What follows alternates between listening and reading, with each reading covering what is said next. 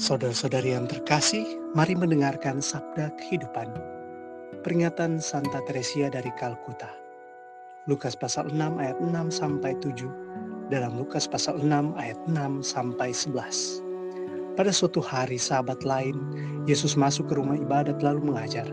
Di situ ada seorang yang mati tangan kanannya.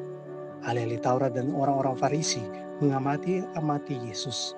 Kalau-kalau ia menyembuhkan orang pada hari Sabat, supaya mereka dapat alasan untuk mempersalahkan dia.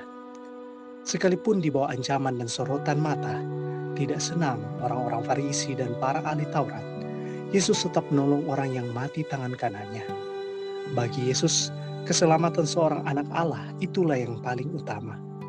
Yesus lebih memilih mengambil resiko ditolak daripada diam tak melakukan apa-apa.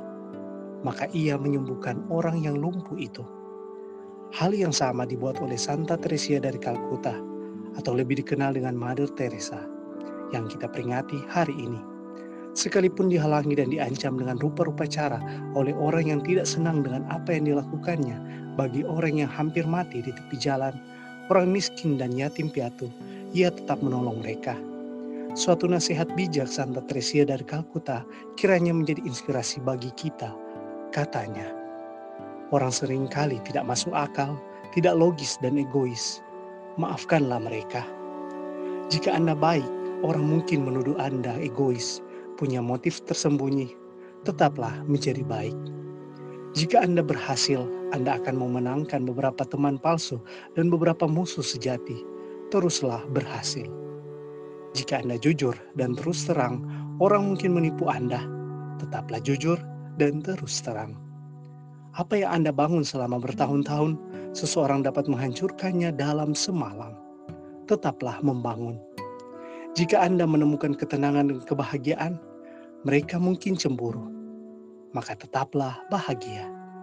Kebaikan yang Anda lakukan hari ini, orang akan melupakannya besok. Tetaplah berbuat baik.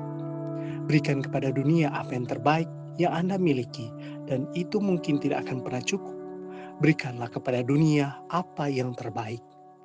Anda akan melihat bahwa saat pengadilan terakhir, semuanya itu adalah antara Anda dan Tuhan. Tak ada kaitannya sama sekali antara kamu dan mereka. Semangat Senin, Tuhan Yesus menemani kita berbuat baik. Pastor Revitano, PR.